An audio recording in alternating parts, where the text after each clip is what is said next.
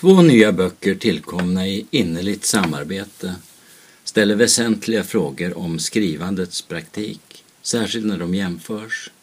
Det rör sig om två olika slags projekt, om två olika generationer och om skilda författarpositioner i den litterära offentligheten. Ömhetsmarker av Lina Hagelbäck och Ulrika Nilsen handlar i hög grad om sin egen tillkomst. Den inger en stark känsla av att utspelas i metafiktiv realtid. Citat, jag har tänkt, kolon, slutcitat, säger den ena medverkande. Och det finns ingen anföring. Läsaren får aldrig veta vilken av dem som har ordet. Citat, om vi skulle skriva en bok, en diktsamling. Slutcitat. Dubbelhaka av Jan Hjalmarsson och Ola Lindvall. Den är däremot tillbakablickande och återanvänder material från deras långa karriärer som scenpoeter. Ymniga fotnoter i slutet av boken blickar tillbaka och redovisar vem som har skrivit vad en gång i tiden. Även om de just här publicerar sig gemensamt.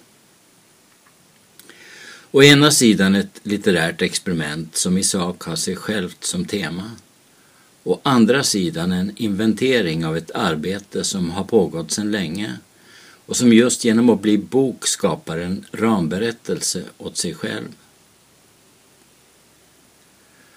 Hagelbäck och Nilsen är etablerade poeter födda på 70-talet. Den tid när Hjalmarsson och Lindvall börjar uppträda och publicera sig.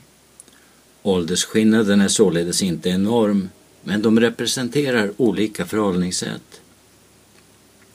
Hagelbäck och Nilsen publicerar sig genomtänkt och sparsmakat på etablerade förlag och har vunnit respekt för sitt språkliga och existentiella allvar. Hjalmarsson och Lindvall vill hellre ge intryck av att skjuta från höften, hur mycket de än egentligen i hemlighet har filat på sina dikter. Att dikta för stunden på plats, att fånga det unika ögonblicket med en klackspark. I pressmeddelandet lyfts de inte fram som författare utan presenteras med sina civila tjänstemannayrken. Tanken är väl att det är dikterna som gör dem till poeter. Dubbelhaka består av några introduktionsdikter och därefter sju sinsemellan helt olika avdelningar som tar upp olika teman och använder sig av olika grafiska uppställningar. Även om det inkännande tonfallet genomgående är detsamma. Den slängiga monologen som med humor och värme skildrar någonting i stunden, i det förflutna eller i landskapet.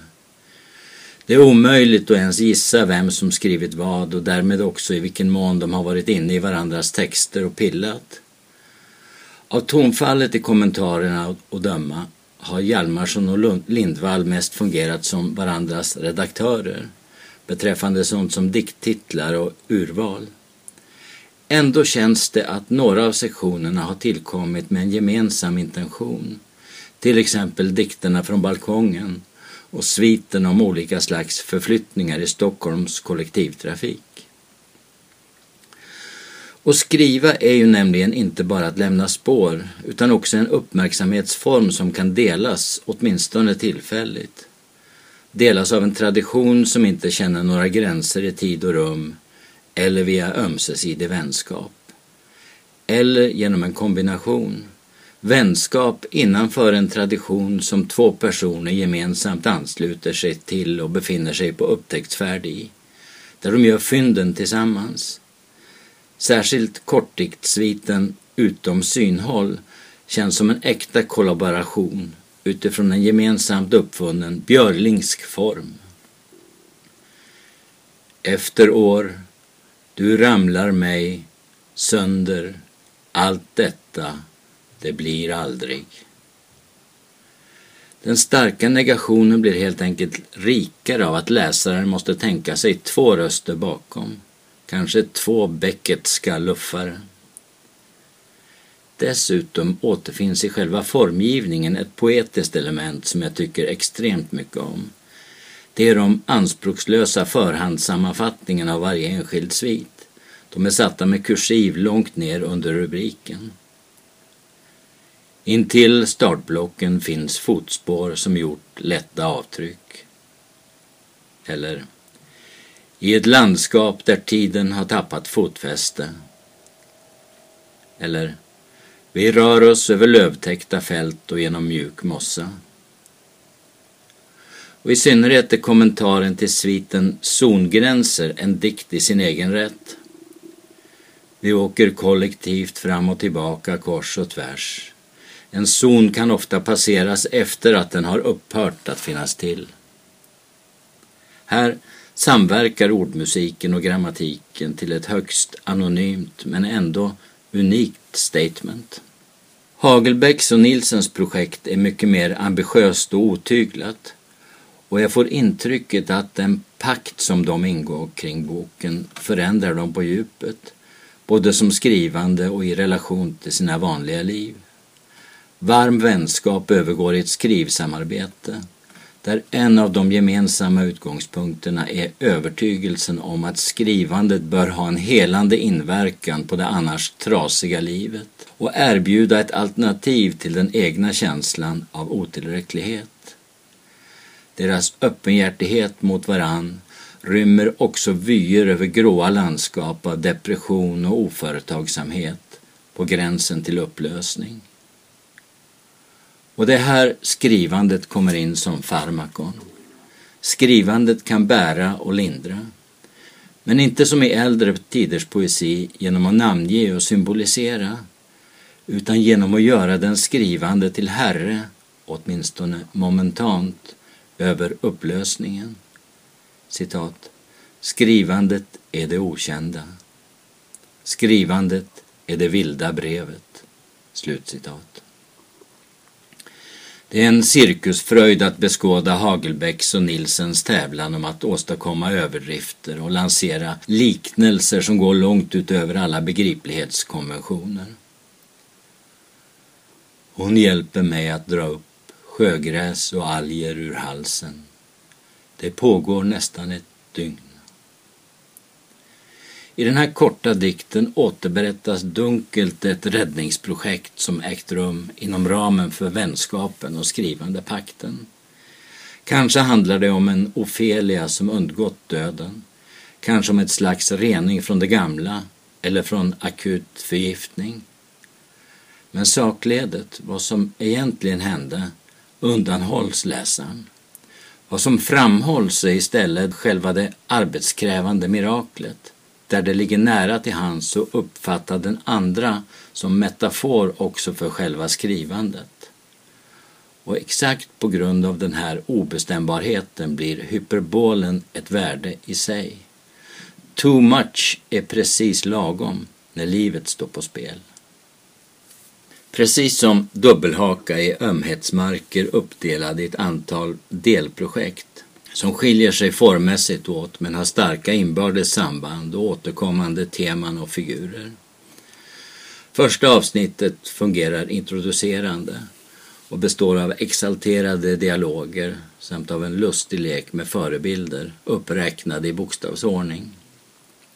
Andra avsnittet har veckodagarna som fundament för en osystematisk långdans av intryck och komplexa känslostämningar.